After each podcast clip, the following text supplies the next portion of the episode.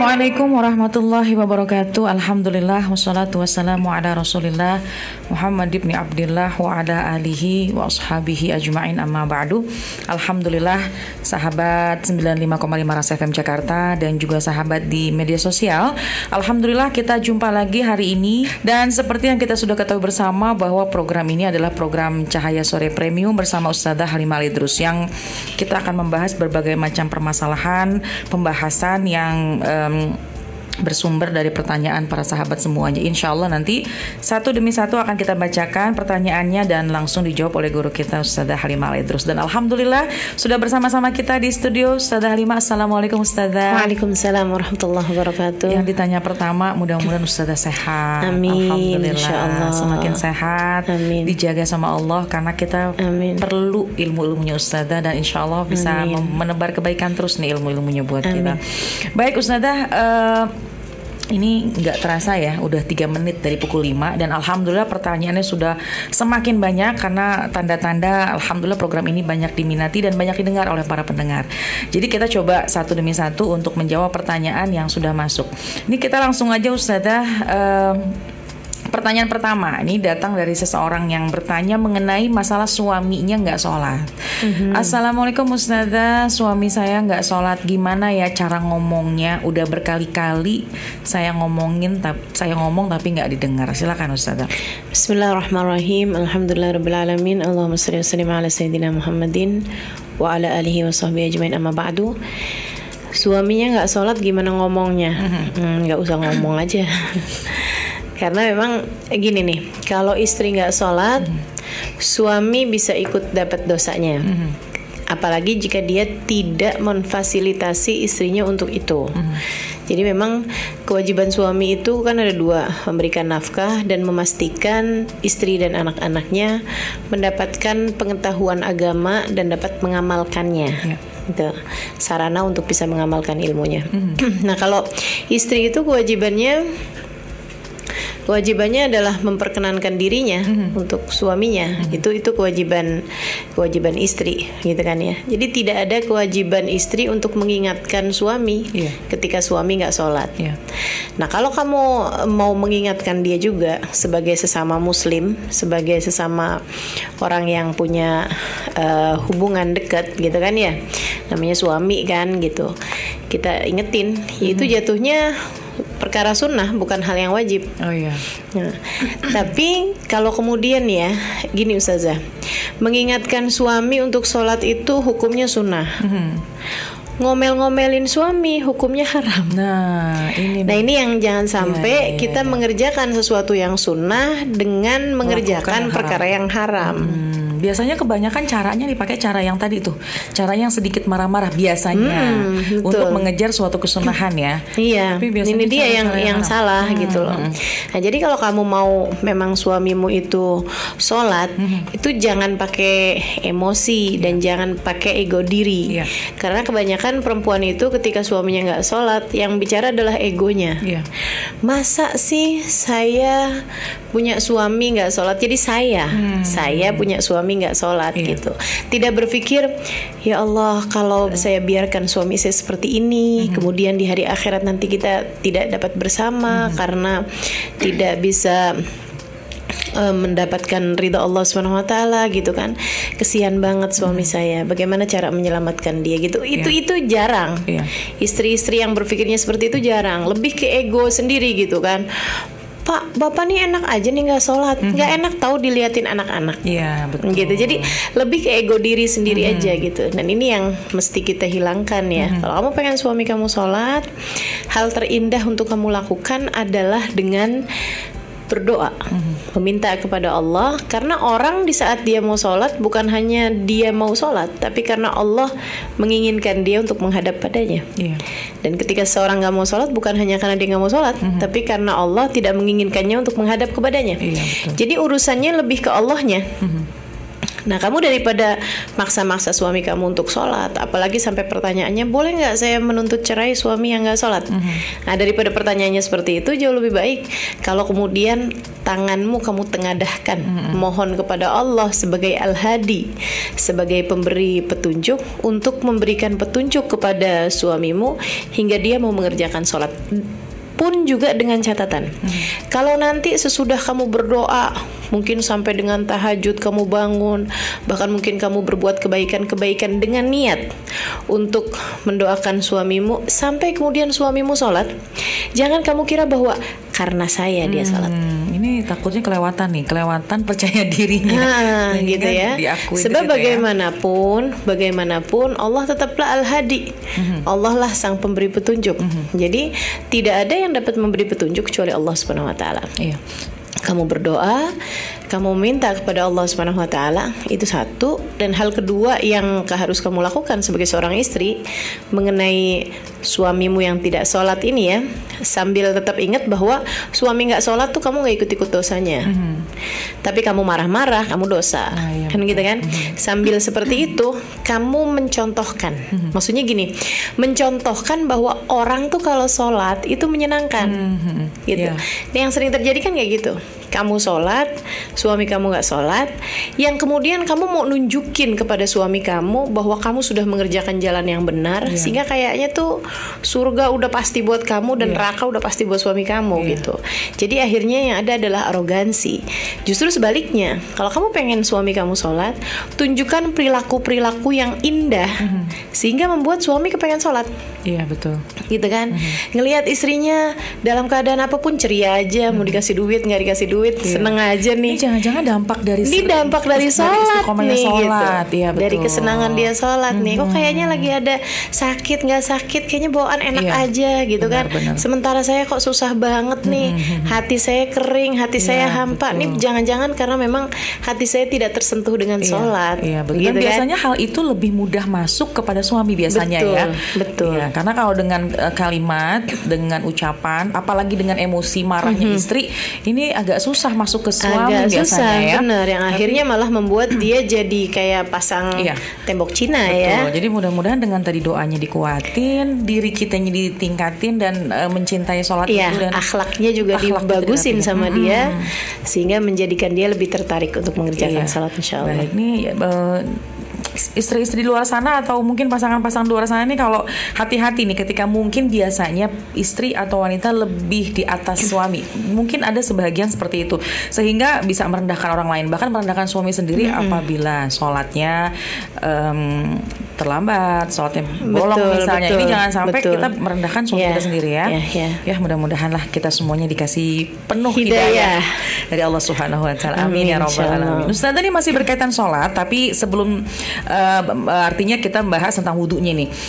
Eh, setelah wudhu, air wudhunya sebaiknya dikeringkan menggunakan handuk atau dibiarkan kering begitu aja Ustazah sebaiknya. Jangan dikeringkan, Hmm. malah dulu justru membiarkan air wudhu tersebut itu em, bekas-bekas wudhunya bersama dengan kita di saat Hmm, kita sholat, karena itu akan menjadi saksi-saksi kita Iya. nanti kelak di hari akhirat. Hmm. Jadi jangan jangan hilangkan bekas wudhumu, baik itu dengan badan kita sendiri kita percikan, kita bersih bersihkan pakai tangan misalnya gitu kan, ataupun dengan handuk gitu. Kecuali kalau memang cuacanya sangat-sangat dingin yang membuat kalau airnya dibiarkan tetap di badan kita akan bikin kita sakit. Nah kalau kayak gitu, oke. Tapi kalau di cuaca yang biasa-biasa aja, jangan hilangkan air wudhumu sehingga kelak ia akan menjadi saksi-saksi bagi kita insya Allah, saksi ibadah kita ya. Iya, Ustazah, ini ada yang bertanya mengenai masalah wanita haid.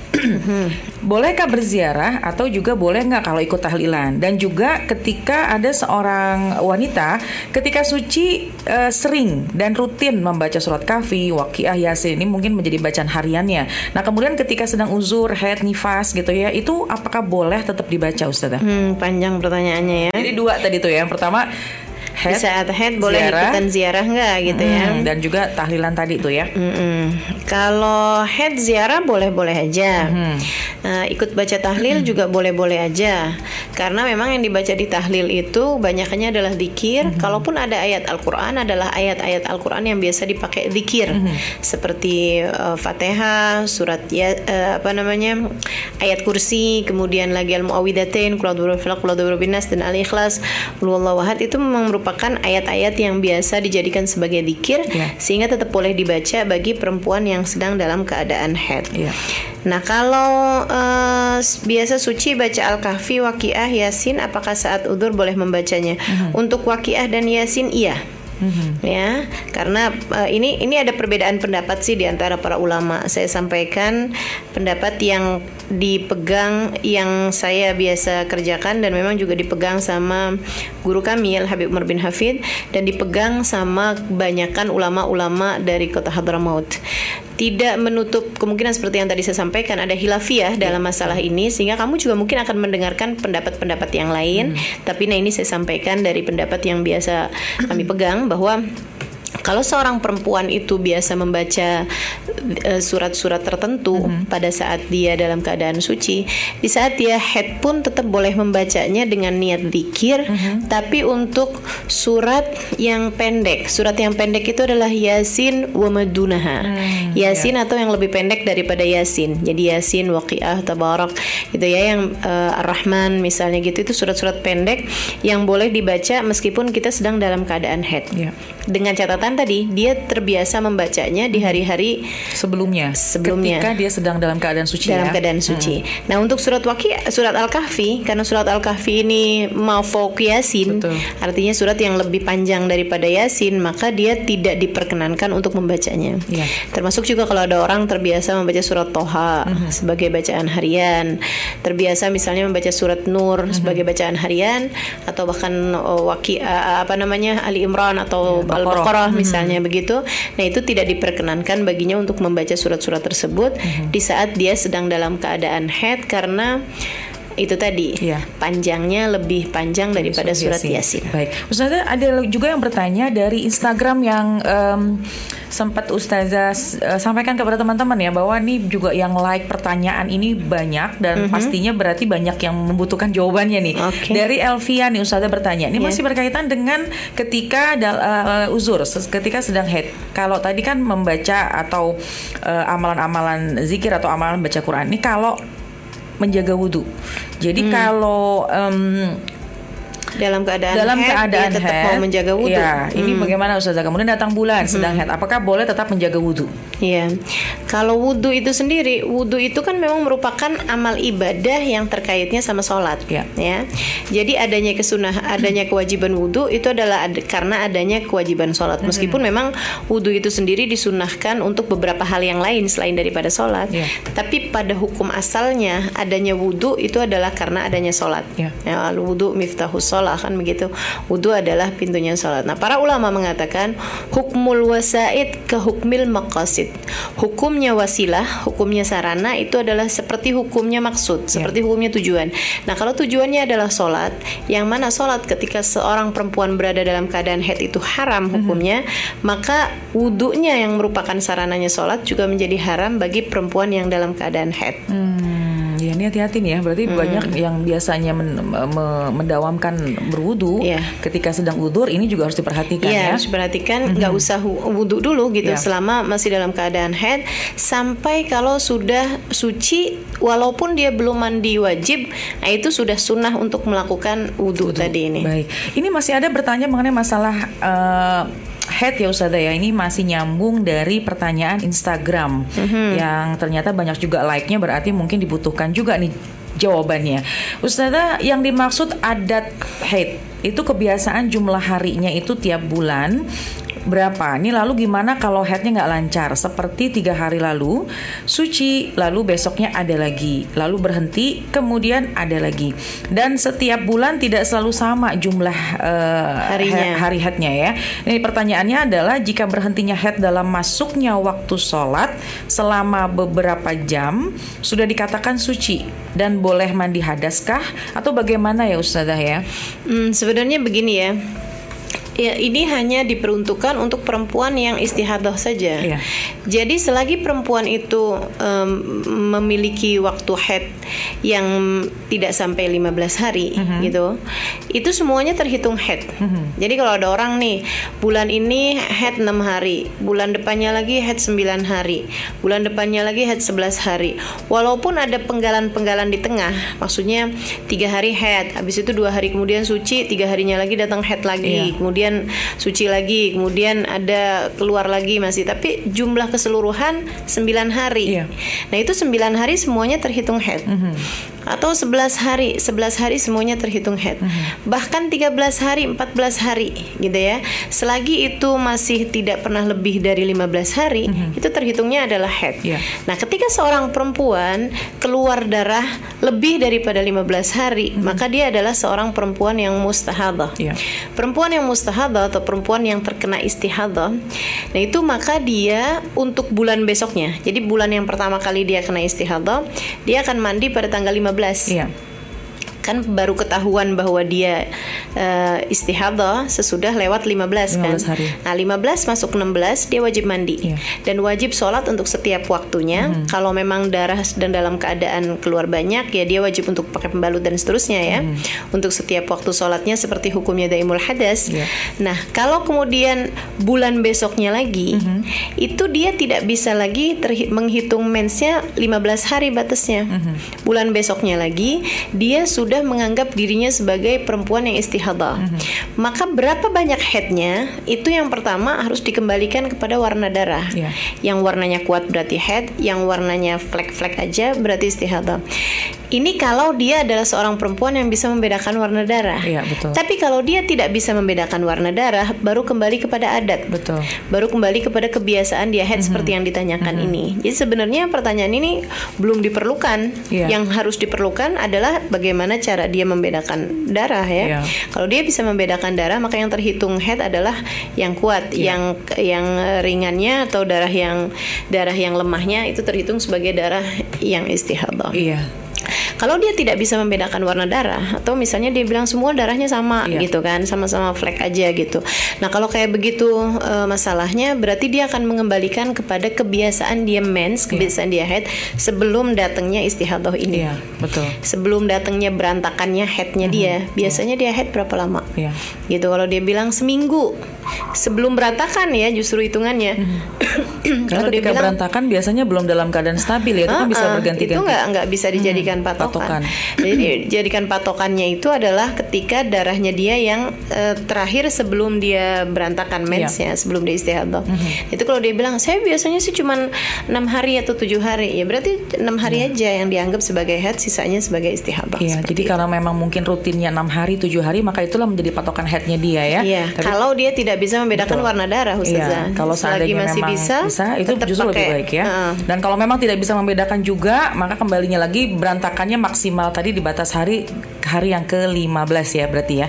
15 itu untuk hari yang pertama aja. Hari yang Ketika datang pertama. head perta- datang istihadah pertama, nah itu balikinnya 15 hari Hmm, gitu kan. iya. Karena dia nggak tahu kan akan akan berapa lama nih Mhm. mensnya gitu. Nah, ketika udah lewat dari 15 hari kan berarti baru Iya. ketahuan bahwa dia istihadah. Iya, di situlah terhitung mulainya. Baik, Ustazah, ini uh, kita ganti tema. Ada ini pertanyaan juga dari teman-teman dari Instagram yang sudah komen uh, menuliskan di uh, kolom komen Ustazah ya, yaitu dari uh, Merianti nih. Assalamualaikum Ustazah, bagaimana jika kita mengadopsi anak orang lain dari panti asuhan? Kemudian apakah nanti suatu saat ketika si pengasuh sudah meninggal dunia, doa anak yang kita besarkan ini atau yang kita adopsi akan sampai kepada kita? Jadi mungkin ini pertanyaannya dari seorang yang justru diadopsi ya. Jadi seorang anak yang diadopsi oleh seseorang, Iya. kemudian orang yang sudah meninggal dunia, eh, yang ngurusinnya, yang mengadopsinya meninggal dunia. Nah sampai nggak tuh kita Uh, sebenarnya sih doa bukan dari anak pun ya akan sampai kepada orang yang sudah meninggal dunia ya dengan banyak dalil-dalil gitu Iya. kan. Tapi kalau pertanyaannya apakah yang dilakukan oleh si anak tadi ini dari kebaikan-kebaikan orang tuanya dalam alam kubur ikut serta mendapatkan kemanfaatannya ini yang kan kalau orang tua memang seperti itu. Iya. Jadi orang tua itu semua kebaikan yang dilakukan oleh anak-anak itu akan mengalir kepada orang tuanya. Iya. karena dia adalah penyebab keberadaan anak tersebut di atas Betul. muka bumi. Mhm. Gitu. Demikian juga dengan guru. Mhm. Guru itu apa pun yang dilakukan dari kebaikan murid-muridnya, itu guru ikut dapat pahalanya. Iya. sebab dia yang mengajarkan itu Mhm. kepada anaknya, gitu ya. Jadi kalau misalnya eh, salah satu dari gu- guru guru saya misalnya yang meninggal dunia, bolehlah misalnya Hubaba Maryam, ini kan sudah wafat beliau ya. Beliau pernah mengajarkan kepada saya tentang fadilahnya sodako, misalnya begitu ya. Dan setiap kali saya sodako, saya karena memang eh, ingat sama pelajaran yang sudah beliau sampaikan, misalnya seperti itu, maka setiap kali saya mengerjakan sodako, nah itu beliau ikut serta mendapatkan pahalanya. Nah, ini bagaimana dengan anak yang diadopsi? Iya. Kalau orang tuanya yang memang membiayai dia untuk sekolah, membiayai dia untuk bukan hanya membiayai ya, tapi mem- mendidik Iya. anaknya untuk menjadi seorang anak yang baik gitu kan. Dan dia memang tumbuh menjadi seorang anak yang baik. Nah, maka setiap kebaikan itu juga orang tuanya ikut serta mendapatkan pahalanya, orang Iya. tua adopsinya, Mhm. karena dia yang memfasilitasi anak tersebut untuk melakukan kebaikan-kebaikan ini ini yang dinamakan sebagai sodakoh jariah. Iya. Jadi sodak atau eh, pahala amalan amal jariah ya, pa- amalan yang mengalir kebaikan amalan tersebut meskipun seseorang sudah berada di dalam alam kuburnya, gitu. Iya, jadi tidak tidak harus orang tua kandung misalnya ya. Jadi Iya. bahkan tadi seorang guru Bahkan pun, guru pun ketika bisa. mengajarkan satu ilmu, ilmunya digunakan, dipakai, pasti kan Sampai gurunya sampai meninggal guru meninggal pun dunia pasti akan mengalir, ya. Karena si murid ini kan tahu bisa melakukan sesuatu berkat di, di Berkat diajarkan di- sama gurunya, diajarkan gitu ya. Jadi ya, mudah-mudahan kita juga banyak memberikan kebaikan, yang mudah-mudahan kebaikannya juga dicontoh sama orang lain. Betul, Semuanya kita betul. jadi menebar Ya. kebaikannya, masya Jadi Allah. para orang tua yang mengadopsi anak ini ya, ajarkan anak-anakmu kepada kebaikan sehingga nggak usah khawatir. Nanti ketika kamu sudah meninggal dunia dan anak-anak ini akan menebarkan kebaikan, maka pahala kebaikan mereka akan terus mengalir Iya. kepada orang tua eh, adopsinya tadi Iya. ini ya, orang tua angkatnya. Baik, Ustazah ada yang bertanya lagi mengenai masalah eh, anak yang memang bukan anak kandung nih.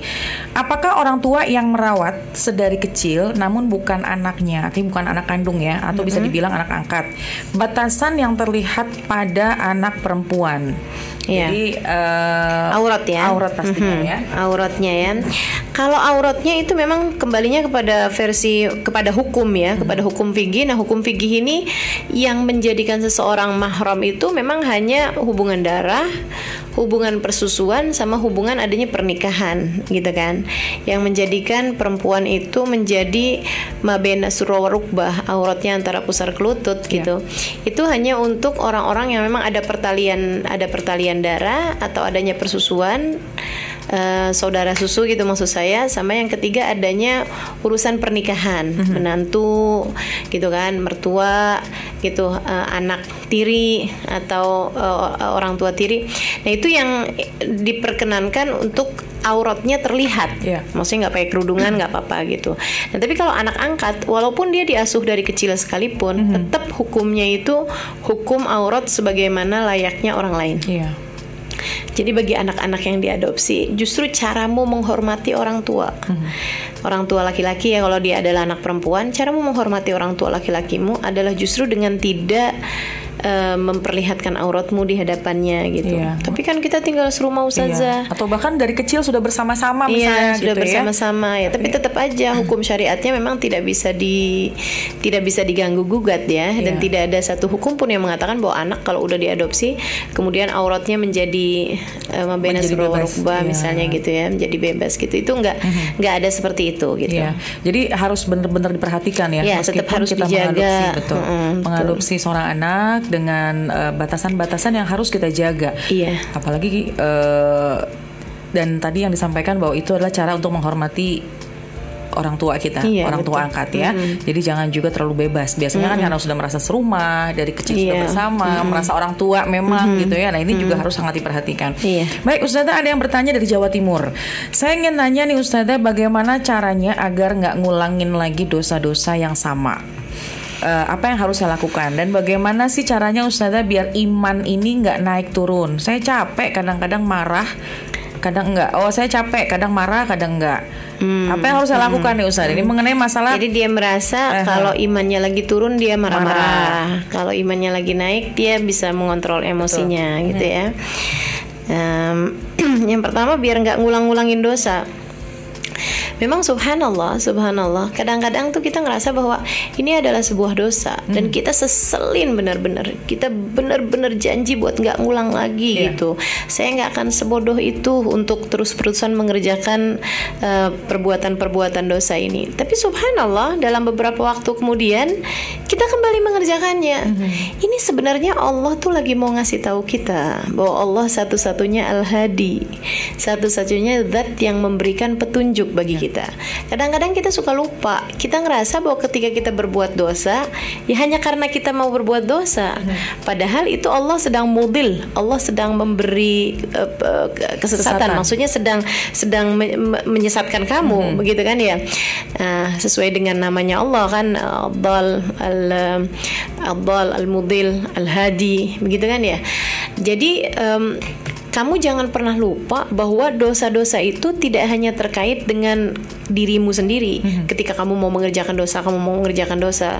Ketika kamu ke- mau kembali, kamu kembali gitu. Enggak seperti itu urusannya. Urusannya sangat terkait dengan Allah Subhanahu wa taala. Allah kalau cinta sama kamu, bisa ditariknya kamu dari kubangan dosa dan tidak mengembalikan lagi kamu ke sana gitu. Itu yang harus kamu ingat-ingat. Jadi ketika kamu mohon pengampunan, jangan hanya fokus kepada dirimu sendiri. Maksudnya "Ya Allah ampuni dosa saya, dosa saya udah banyak banget ya Allah. Saya telah berbuat kedoliman yang banyak banget, gak ada kebaikan lagi. Itu eh, sangat angkuh sebenarnya ya Iya. termasuk dalam bagian kearoganan kita sebagai seorang hamba gitu kayaknya kita merasa bahwa ya saya yang mau saya yang ngerjain gitu kita Iya. lupa bahwa dosa-dosa itu juga adalah sesuatu hal yang Allah Subhanahu wa taala timpakan kepada kita ketika kita lepas. Ketika kita tidak tidak tidak peduli kepada Allah Subhanahu wa taala gitu rasa hati kita em, berpaling darinya Allah kemudian biarkan kita berbuat dosa. Jadi ketika kita kembali kepada Allah Subhanahu wa taala itu kita harus fokus kepada Allahnya. Jangan fokus kepada dosa-dosa kita. Makanya dalam banyak Al-Qur'an Allah selalu menyambungkan istighfar urusannya sama Allah Subhanahu wa taala. Fastaghfiru rabbakum kata Allah. Mohon ampunlah kalian kepada Allah Subhanahu wa taala. Bukan karena li'anna dzunubakum katsira Iya. karena dosa kalian besar. Bukan fastaghfiru rabbakum disebabkan karena innahu kana ghaffara sebab Allah Subhanahu wa taala adalah zat yang maha pengampun Iya betul. Jadi kita melihat kebesaran Allah dengan banyaknya dosa yang kita lakukan. Allah tuh maha pengampun. Jadi Allah sehingga Maha ada ada tali yang kuat di situ ya. Sehingga ke depan ke depannya tuh kita dengan ringan Uh-uh. tidak akan melaku- melakukan hal-hal yang Iya, Allah murka iya. gitu ya. Jadi daripada kamu bilang bahwa saya tidak akan kembali mengulangi dosa ini, Iya. daripada kamu berbuat seperti itu, berkata seperti itu, jauh lebih baik jika kamu ganti dengan ya Allah, jangan biarkan saya lagi kembali melakukannya. Iya. Jadi Allah yang punya kuasa, Allah yang punya mau, Iya. itu yang suka kita lupa. Iya, betul. Gitu sehingga akhirnya kita balik lagi ngerjain dosa, balik lagi ngerjain dosa, karena kita kira urusan dosa itu adalah urusan kita. Mhm. Iya. Padahal itu sebenarnya adalah urusan Allah Subhanahu wa taala. Allah yang memilih siapa di antara hamba-hambanya akan dibersihkan. Betul. Allah yang memilih siapa di antara hamba-hambanya yang dikehendaki Mhm. oleh Allah Subhanahu wa taala untuk menghadapnya atau bahkan ada orang-orang yang dihinakan oleh Allah Subhanahu wa taala sehingga berulang-ulang kali mengerjakan perbuatan-perbuatan dosa. Bahkan dalam Sayyidul Istighfar yang Allah Subhanahu wa taala minta kita untuk memperbanyaknya, Nabi Muhammad minta kita untuk memperbanyaknya. Katanya Nabi itu kan eh eh, afdolul istighfar ya.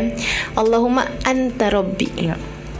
La ilaha illa anta khalaqtani abduka wa ana ala ahdika wa ahdika masatatu abu laka bi ni'matika alayya wa abu Iya.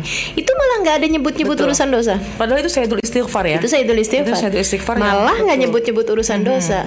Cuman mengingatkan kita aja sama Allah Subhanahu wa dan taala. merasa diri kita rendah tuh kayaknya banyak dosa banget deh. Iya. Kalau bukan Allah yang ngangkat kita terus siapa lagi gitu ya. Nah, gitu. itu Jadi betul. urusannya jangan ke urusan dosa-dosa kamu Betul. gitu. Kamu ingat aja bahwa Allah itu sampai kapan pun adalah pemberi sejati hidayahmu, pemberi sejati kebaikan-kebaikanmu. Dan dia juga yang kalau dia menghendaki kamu untuk berbuat dosa kamu nggak akan bisa apa-apa. Walaupun Iya. kamu udah tobatin walaupun kamu udah janji nggak mau ulangin lagi kalau Allah mau membiarkan kamu berada dalam dosa akan berbuat dosa juga kamu. Iya. itu makanya yang serius minta ampun sama Allahnya yang serius minta hidayahnya yang serius minta sama dia agar dia memilih kita di antara hamba-hambanya untuk mengerjakan kebaikan-kebaikan. Jangan pernah lupa bahwa ibadah itu adalah undangan yang hanya orang-orang yang dikehendaki yang akan menghadap kepadanya. Iya, jadi ketika kita mengakui sebuah dosa, jangan kita hanya berpikir diri kita sendiri sehingga pokoknya nggak ngulangin lagi, tapi lupa siapa yang memberikan hidayah buat diri kita Betul. ya. Ini kadang-kadang orang suka eh, biasanya, biasanya tuh pokoknya yang difikirkan diri sendiri, kemudian tapi tidak mengetahui di balik semua itu siapa yang menggerakkan hati kita. Betul. Ini urusan hati biasanya Iya, Ustazah ya. betul. Ini masalah, Ini- masalah hati imannya Ini- gimana ini, Ustazah? Ini sebenarnya sama juga sih. Kalau dikatakan iman itu sebagai sebuah keyakinan, dia nggak bisa naik turun. Tapi yang biasanya orang tanyakan, kenapa iman bisa naik turun? Maksudnya dia adalah ketaatan sama Iya. kemaksiatan yang dia Iya. perbuat. Kenapa bisa naik turun? Nah itu untuk kamu mengerti bahwa pemberi hidayah, bahwa penggerak kamu untuk berbuat dosa, ujung-ujungnya tetaplah adalah kehendak Allah Subhanahu Wa Taala juga. Iya. Hmm, jadi gitu, punya jadi- ke- eh, tali yang kuat sama Allah. Iya, ya. Mungkin jadi kalau- terus-teruslah ingat sama Allah, terus-teruslah deket sama Allah, insya Allah mudah-mudahan. Tiap kali kamu ngerasa imanmu turun, gitu kan, ya deketin lagi aja. Iya. Jadi kamu sama Allah Subhanahu Wa Taala. Kenapa Ustazah saya imannya bisa naik turun ya? Karena kamu bukan nabi, kamu Iya. bukan wali. Biasa-biasa aja. Kita sebagai seorang hamba emang pasti ada gitunya. Gitu. Pasti naik turun biasanya malah Iya. turun terus gitu ya. Cuma kalau turun jangan, Jangan terlalu lama. sampai, jangan, jangan sampai, sampai begitu, gitu. kita ikat talinya Allah, Iya, betul. kita eh, ikat bersama dengan baginda Rasul. Mudah-mudahan ini akan semakin men- meningkatkan Iya. ketaatan kita kepada Allah dan baginda Rasul. Masya Allah. Ini Ustazah dari Bekasi. Eh, hukumnya jika seorang ayah meminta uang kepada anak perempuannya Mhm. yang single, oh anak perempuannya belum nikah. Kemudian eh, padahal si ayah ini memiliki dua istri.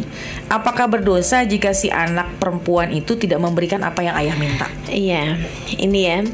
Kalau cara pandangmu terhadap ayahmu ini adalah cara pandang transaksional, Iya. ini kamu bakalan kayak gini terus nih. Iya. Selagi kamu melihat manusia, melihat melihat makhluknya Allah Subhanahu wa taala dengan cara pan- cara pandang fulan sebagai fulan, fulana sebagai fulanah gitu ya, dia sebagai dia gitu. Maka kamu akan selalu berada dalam cara pandang transaksional. Betul. Ya oke lah kita bahasanya biar mudah ya. Iya. Jadi cara ngelihatnya itu transaksional. Kamu baik saya baik, Iya. kamu jelek saya jelek gitu kan. Biasanya kayak gitu. Biasanya. Itu ya cara pandang manusia secara umum Cara gitu kan. manusia. Tapi kan cara pandang kita ini sebagai seorang muslim seharusnya mengikuti sama cara pandang yang sudah diajarkan sama Allah Subhanahu wa taala dan rasulnya. Kalau kita bisa berbuat baik kepada ayah yang dia memang berbuat baik sama kita, yang dia ngurusin kita, yang dia sayang setengah mati sama ibu kita, Mhm. yang dia sayang sama kita, nyekolahin kita, memberikan seluruh kasih sayang kepada kita, apa bedanya kita sama orang yang nggak kenal sama Allah? Iya. mereka juga akan baik sama ayahnya. Jangan dikira orang-orang yang nggak kenal sama Allah, misalnya mohon maaf ya, orang-orang yang ateis atau apa itu akan jahat sama ayahnya kalau ayahnya sudah ngurusin dia Iya, betul. gitu kan jadi kalau urusannya itu sekedar transaksional seperti itu siapa pun bisa melakukannya nah Nabi Muhammad alaihissalam mengajarkan kepada kita bagaimana kita harus tetap berbuat baik kepada orang yang bahkan tidak berbuat baik kepada kita. Asin ilaman asa ilaik. Kata Nabi kan gitu ya silman kota afu amman balamak kan gitu ya berbuat baiklah kamu kepada orang yang berbuat jahat kepadamu. Kan gitu sambung hubungan dengan orang yang memutuskan hubungannya sama kamu. Kemudian lagi maafkan semua orang yang berbuat salah kepadamu. Iya. gitu. Ini cara pandang Nabi Muhammad alaihi salatu wassalam yang diajarkan Allah Subhanahu wa taala untuk kita punya candang, cara pandang seperti itu. Gimana caranya ngelihat manusia itu harus kamu sambungkan dengan kamu melihat Allah Subhanahu wa taala dalam diri setiap orang? Iya. ini iman. Makanya Nabi Muhammad alaihi banyak hadisnya mengatakan man kana yu'minu billah wal yaumil akhir. Siapa yang beriman kepada Allah dan hari akhir Nabi nggak nyuruh siapa yang beriman kepada Allah dan hari akhir maka dia akan baik sholatnya. Iya.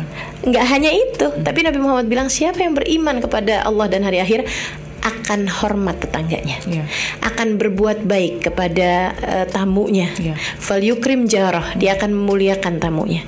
Nah, itu kan. Jadi cara pandangnya itu adalah cara pandang yang ada iman di sana. Iya, betul. Kita ngelihat Allah, Allah perintahkan saya untuk berbuat baik, maka saya berbuat baik. Mhm.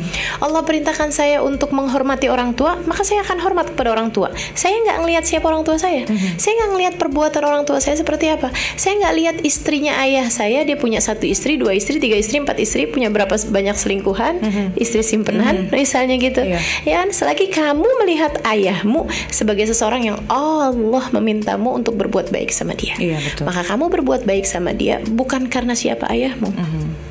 Tapi karena Allah memerintahkanmu untuk berbuat baik kepadanya. Iya. Maka berbuat baiklah. Justru pada saat itu kamu membuktikan keimananmu. Mhm. Sebab kalau kamu mau mengikuti ego kamu sendiri, kamu mau mengikuti cara pandang transaksional seperti yang saya sampaikan, kamu akan kesulitan untuk berbuat baik sama ayahmu. Iya. Tapi ketika kamu melihatnya sebagai bentuk dari kamu melihat perintah Allah dalam diri ayahmu untuk kamu berbuat baik kepada ayahmu, maka kamu akan berbuat baik sama dia.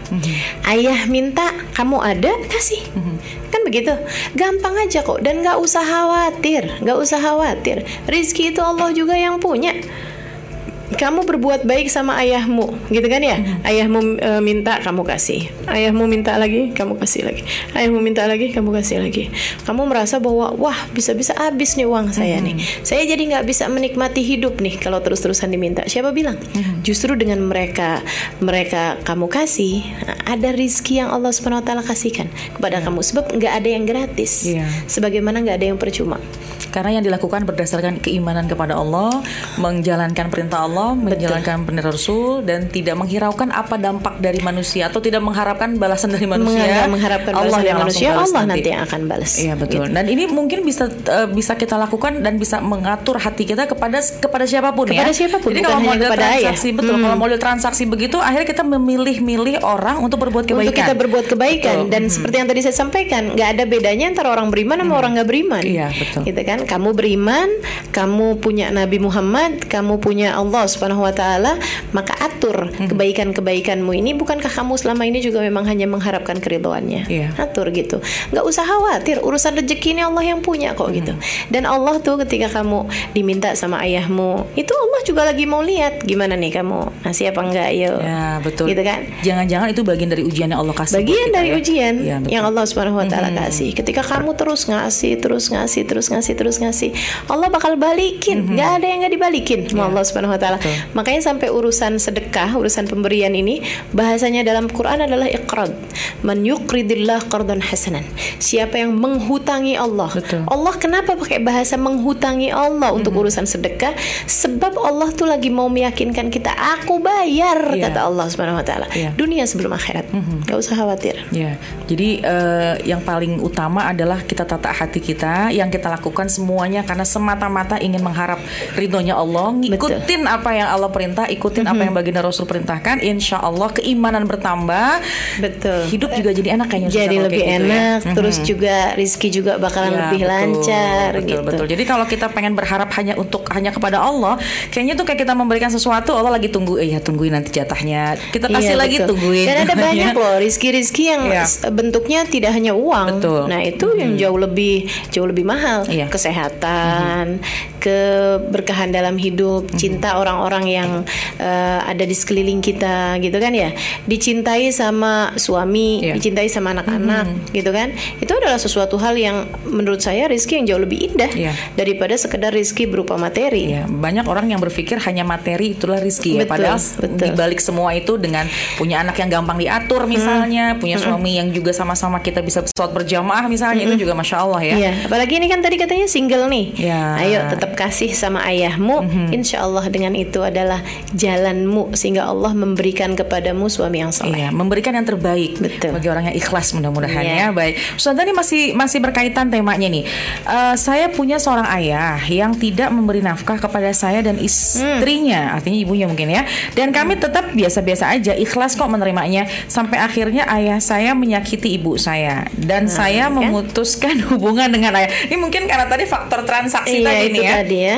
Dan walaupun ibu saya sudah memaafkan, namun saya tidak.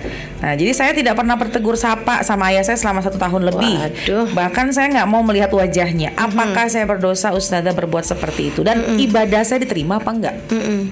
Ya urusan ayahmu dengan ibumu biarkan jadi urusan mereka. Kenapa kamu kemudian malah jadi merusak diri kamu dan meng- menghancurkan diri kamu dengan dengan apa yang sudah mereka sudah terjadi sama mereka gitu kan? Kamu nggak pernah tahu gitu. Dan apalagi kan ini ibunya aja udah maafin, dianya sendiri nih yang nggak bisa maafin gitu. Sayang sayang. Sekarang kamu harus melihat ayahmu sebagai ayahmu yang Allah Subhanahu Wa Taala perintahkan kamu untuk berbuat baik sama dia. Waktu ada seorang anak ngadu sama Nabi Muhammad alaihissalam bahwa ayahnya mencuri uangnya, ayahnya mencuri hartanya, sama Nabi ditanyain, benar nggak kamu ngambil duit anak kamu? Benar Rasul. Kenapa gitu? Dulu waktu dia zaman susah, saya Rasul yang eh, ngurusin dia, saya yang eh, belanjain, saya yang kasih makan, saya yang ini, saya yang itu. Sekarang giliran dia udah udah udah mudah hidupnya, gitu ya, udah bisa bekerja dan lain sebagainya. Saya yang dalam keadaan tidak bisa bekerja, tidak bisa menghasilkan uang dan anak saya nggak ada cari tahu tentang saya, nggak ada ngerti-ngertinya sehingga memberi misalnya gitu kan tanpa diminta. Jadi akhirnya saya kadang-kadang memang ngambil duit dia gitu. Nabi sangat marah kepada anak tersebut. Kemudian Nabi Muhammad mengatakan hadis yang sangat terkenal ini ya, anta wa maluka milkun li abik. Kamu dan seluruh hartamu adalah milik ayahmu. Betul. Nah ini ucapan Nabi ini adalah yang tadi saya saya singgung tadi ya bahwa ini adalah cara pandang, cara pandang kita terhadap ayah kita. Apa yang sudah disampaikan oleh Nabi Muhammad SAW, anta wa maluka milkun liabik. Kamu dan seluruh hartamu adalah milik ayahmu. Itu ya, bahkan bukan cuma harta kita aja, sediri diri kita ini loh punya ayah kita. Gitu katanya Nabi Muhammad SAW.